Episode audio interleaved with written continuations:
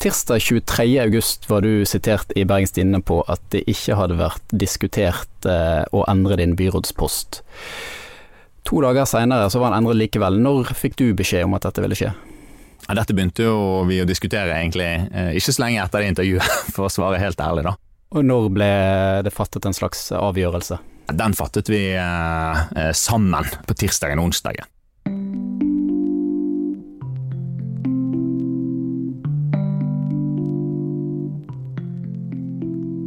Tor Håkon Bakke fra Miljøpartiet De Grønne har siden 2019 vært byråd i Bergen for byutvikling, klima og miljø. I løpet av denne perioden så har han blitt kalt Bergens største nepe, lite ydmyk og arrogant. I slutten av august gikk Kristelig Folkeparti ut av byrådet, og det skulle få konsekvenser for jobben til Bakke. En vingeklipping ifølge flere aviser. Men hva mener han sjøl? Hvordan har han opplevd de siste ukene? Og hva mener han egentlig om sin egen rolle og fremtoning? Jeg heter Martin Hirt, og i dag så skal vi snakke med Tor Håkon Bakke. Du er tilført eh, noen nye ansvarsområder, men du skal ikke lenger ha det overordnede ansvaret for hele byutviklingen. Eh, en vingeklipping ifølge flere aviser, er det skuffende? Altså I den grad jeg kjenner på jeg, jeg, Skuffelse er nok ikke ordet jeg vil lete etter, men i den grad jeg kjenner kanskje på en sånn sorg eller et eller annet sånt, da, eh, så vil jo det være tilknyttet at jeg har jobbet um, Sånn vil det alltid være. Du har vært kjempeprivilegert, du har jobbet tett på mange saker i så mange år.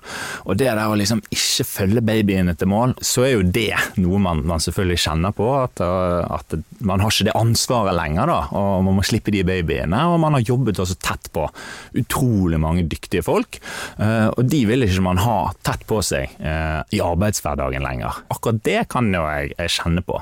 Så hvis det hadde vært opp til deg, så hadde du fortsatt?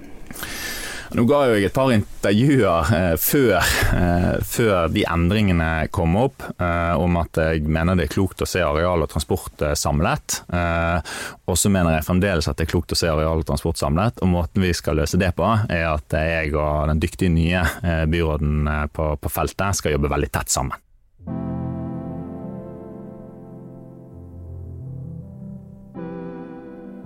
Fremover så skal Bakke være byråd for eh, klima, miljø og samferdsel. Ansvaret for reguleringsplaner de er flyttet til en annen byråd. Og det gjelder òg arbeidet med Bybanen til Åsane. For å spole litt tilbake igjen til, eh, til den foranledningen eh, for byrådsdelingen. Kristelig Folkeparti kalte deler av byutviklingspolitikken for, eh, og da siterer jeg, rigid, detaljorientert og konfliktorientert. Hadde du forventet at eh, byrådsleder Roger Walhammer i større grad tok avstand fra de beskrivelsene?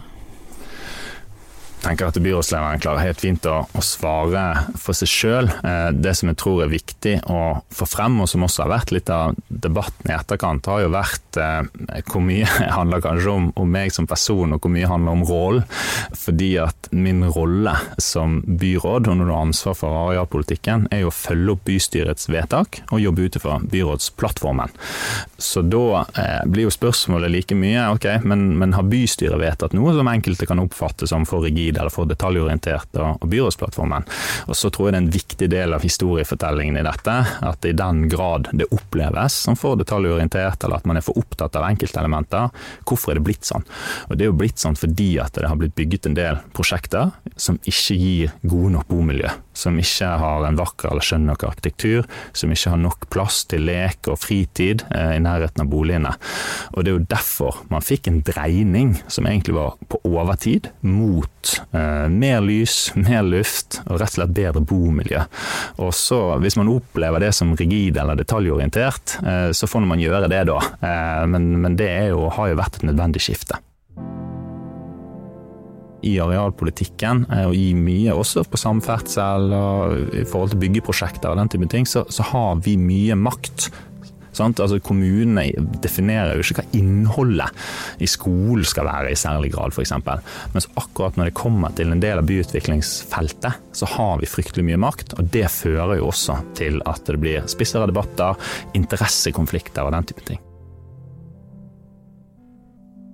til de som måtte være der ute, og være av de som truer meg, de har, dere har ikke klart å, å eh, forhindre meg i å gjøre den jobben jeg skulle gjøre. Har de klart å få deg til å gå av som byutviklingsbyråd? De har ikke klart, meg, klart å få meg til å ikke gjøre jobben. I dette klippet så hørte vi en av Bakkes forgjengere, Anna Elisa Tryti fra Arbeiderpartiet, da hun gikk av i 2019. Bakke tror at eh, deres syn på byutvikling delvis forklarer den høye temperaturen på feltet. Tror nok at eh, kanskje spesielt for politikere, der treffer nok meg og, og Tryte hverandre litt, eh, at vi er politikere som er opptatt av å endre systemet. Mens andre politikere eh, kan jo være mer opptatt av å kjempe mot systemet som politikerne selv har vært med å, å, å vedta. Eh, men når du da eh, ønsker å være prinsipiell eh, og stå på eh, en del eh, viktige ting som, som, man har vedtatt for at dette skal få lov å virke, at endringene skal få lov å virke over tid, for byutvikling er noe som, hvor prosessene går langsomt, så vil man jo enda mer havne i interessekonflikter. Um, så det at hun sto for et systemskifte og jeg i veldig stor grad egentlig har stått for å følge opp det systemskiftet i gjennomføring og i praksis, binder jo uh, oss to litt sånn sammen sånn, da. Uh, I et slags skjebnefellesskap, uh, om man vil eller ikke. Eh, men det har jo bare vært et privilegium. Det er jo ikke alle som er like begeistret for, for, det du omtaler som et systemskifte. Du har blitt kalt nepe på bussen, anklaget for å være arrogant, og på sosiale medier så er omtalen ofte mer eh, fargerik. Eh, har du f.eks. opplevd trusler på samme måte som Tryti, eller hvordan har du håndtert eh, den kritikken som går på deg som person? Jeg har fått veldig lite direkte til meg som person, eh, og jeg har fått veldig også mye positivt og skryt på gaten og sånn. Eh, og så akkurat han her på bussen, det var jo bare tidlig. Der sa jo at dette var jo en, en, en kvalitetsfornærmelse, eh, så det var jo egentlig bare god stemning. Og ofte så går jeg også i dialog med folk som med kritikk direkte, f.eks. på melding og SMS og den type ting. Og så ender det ofte godt. Så sa han skulle bestille, spandere øl på meg neste gang jeg er på byen, fordi han var glad for at jeg liksom tok, tok, tak i det han tok opp med meg. Men det er nok en, det er nok en kjensgjerning, vil jeg tro, at jeg er en mann på 1,90, eh, heterofil, eh, hvit, eh, så, og med litt brei dialekt, relativt tung. Så det er jo Jeg får jo mindre.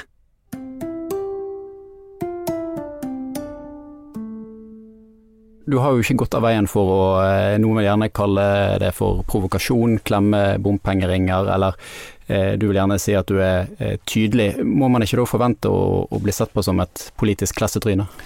Jo, det med klassetrynet skapte jeg på en måte litt sånn sjøl, men det var nå fordi jeg var i et rom med 300 i privat næringsliv som var litt irritert på meg, så jeg prøvde å på en måte skape litt stemning. Og det ble det jo for så vidt når jeg sa det, men, men min inngang, og det handler jo litt om personlighet og hvem du er og sant, er jo at uh, jeg syns altså inngang til politikk er at jeg syns det er litt for lite humør. Jeg syns man for mange blir for selvhøytidelig, og at det kan smale inn rommet da, for diskusjoner, eh, for fremdrift og for å få ting til.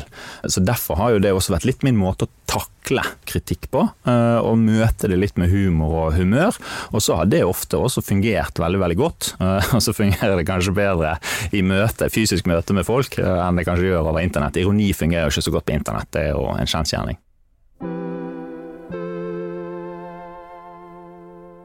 Du peker på at du har eh, prøvd å få inn mer humor i politikken, og gjerne et glimt i øyet og ironi. Andre opplever det som arroganse og ikke blir tatt på alvor. Altså, du, er det noe med fremtoningen din der du kanskje ville justert? Jeg tror nok at um, Korte svar på det er jo egentlig nei. Altså, man er jo seg sjøl. Og jeg har jo heller aldri gått noe liksom stigende i noe ungdomsparti eller liksom noe sånt. Jeg var jo ikke på, egentlig politiker før jeg ble byråd for et veldig stort ansvarsfelt, og fikk ansvar for veldig mye veldig viktige ting. Og så vil nok jeg mene at uh, jeg har tatt det på stort alvor, for det gjør jeg, og det fortsetter jeg å gjøre. Om det handler om at bergenserne skal få rent og smakfullt vann i springen, eh, eller at dassen fungerer, eller at veiene funker, eh, og at utslippene går ned. Altså, alle de tingene har jo jeg fremdeles eh, ansvar for å ta på fullt alvor. Jeg har jo ikke gjort noe annet enn å jobbe, egentlig, siden jeg ble byråd, og det er jo noe med det privilegiumet som det er. Men Nei, altså, om man skulle ordlagt seg annerledes eller vært en annen enn det man er, det, det, det tror jeg også blir mye falskt, da. Og så må jo folk stemme på de politikerne de vil ha. Testen blir jo til valgkampen nå, da, eh, om dette her var noe folk var gira på. Du har hørt en episode av eh, Hva skjedde? Dersom du som hører på har et tips til hva vi skal lage nye episoder om, eller bare har noe du er nysgjerrig på, så blir vi veldig glade hvis du sender oss en e-post til hva skjedde, alfakrøll.bt.no. Martin Hirt og Anna Offstad var ansvarlige for denne episoden. På snarlig gjenhør.